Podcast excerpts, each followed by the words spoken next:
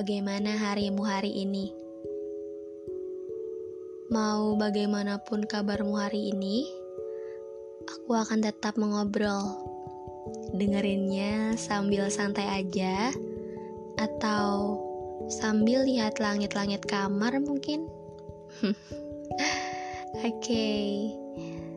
sesuai topik di cover podcast hari ini, kita akan bahas something.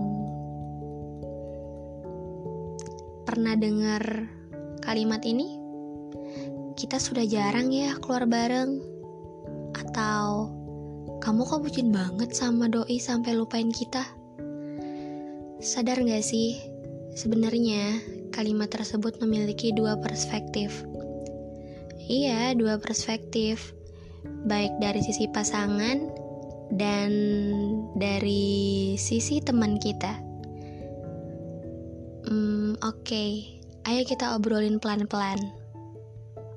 Kadang masalah ini menjadi big problem yang mengakibatkan hubungan kita dengan pasangan atau hubungan kita dengan teman menjadi rumit dan merasa semuanya tidak bisa dikendalikan. Oke, ini adalah real case yang pernah aku alami. Jadi, aku pernah dijat sahabatku sendiri. Dia mengira aku melupakan dia karena aku punya doi baru ya atau pacar baru lah ya. Dan di keadaan lain, aku juga pernah merasakan menjadi sahabat yang merasa dilupakan. Sedih banget ya, keduanya dirasain. Tapi wait, kita bagi dua kubu. Teman dan pasangan.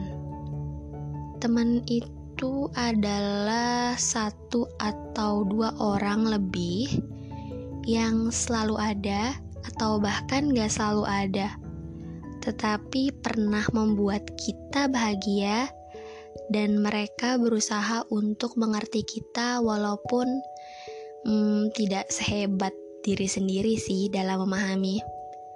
Sedangkan pasangan, pasangan adalah someone yang memberikan kita hmm, asupan hormon kebahagiaan setiap harinya.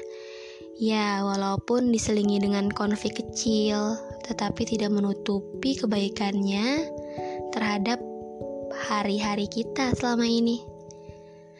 Hmm, ada dua jenis manusia yang memiliki peran penting dalam hidup kita. Kalau kalian nanyain aku nih, hmm, aku tidak bisa memilih satu di antara keduanya. Ya, tentu saja, hmm, tidak bisa karena aku membutuhkan keduanya. Tetapi anehnya, kedua manusia ini kadang merasa harus dipilih.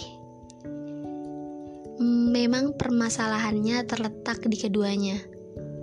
Kadang pasangan atau permasalahannya karena mungkin pasangan kita lebih posesif. Teman ini bebas ya, baik perempuan ataupun laki-laki Ya, mungkin pasangan kamu tidak menyukai karena kamu terlalu banyak menghabiskan waktu bersama teman-teman. Ya, karena menurut dia pasanganlah yang harus diprioritaskan.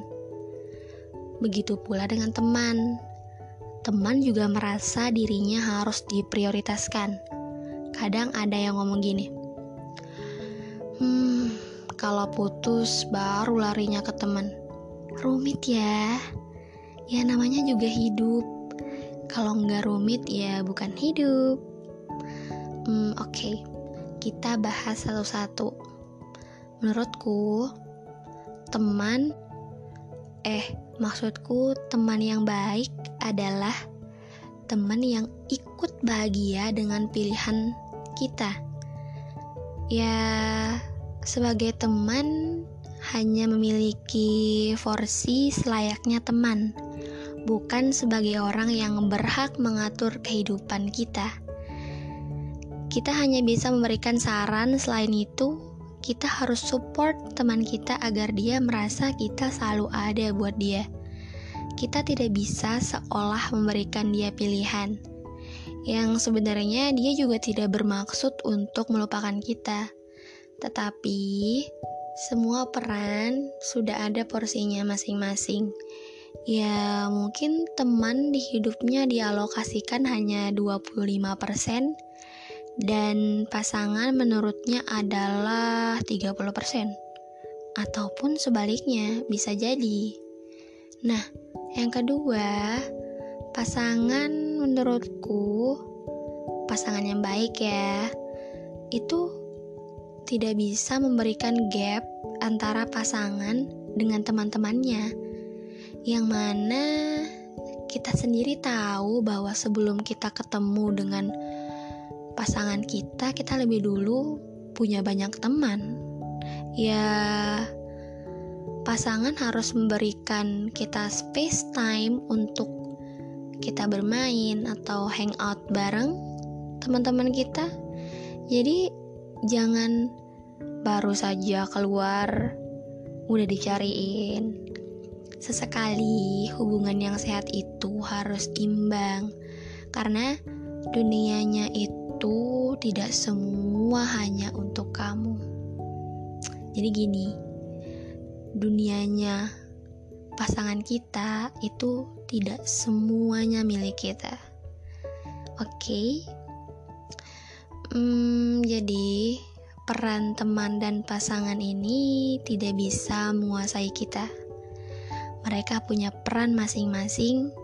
Jadi berusahalah menjaga quality time kalian baik dengan pasangan maupun teman karena kita tidak tahu apa yang akan terjadi ke depan. Kita punya pilihan dan kita akan menikmati setiap konsekuensi pilihan kita sendiri. Hmm, temanmu tidak meminta 24 jammu pasanganmu juga demikian, tidak bisa mengambil 24 jam itu. Always be happy and tetap tersenyum.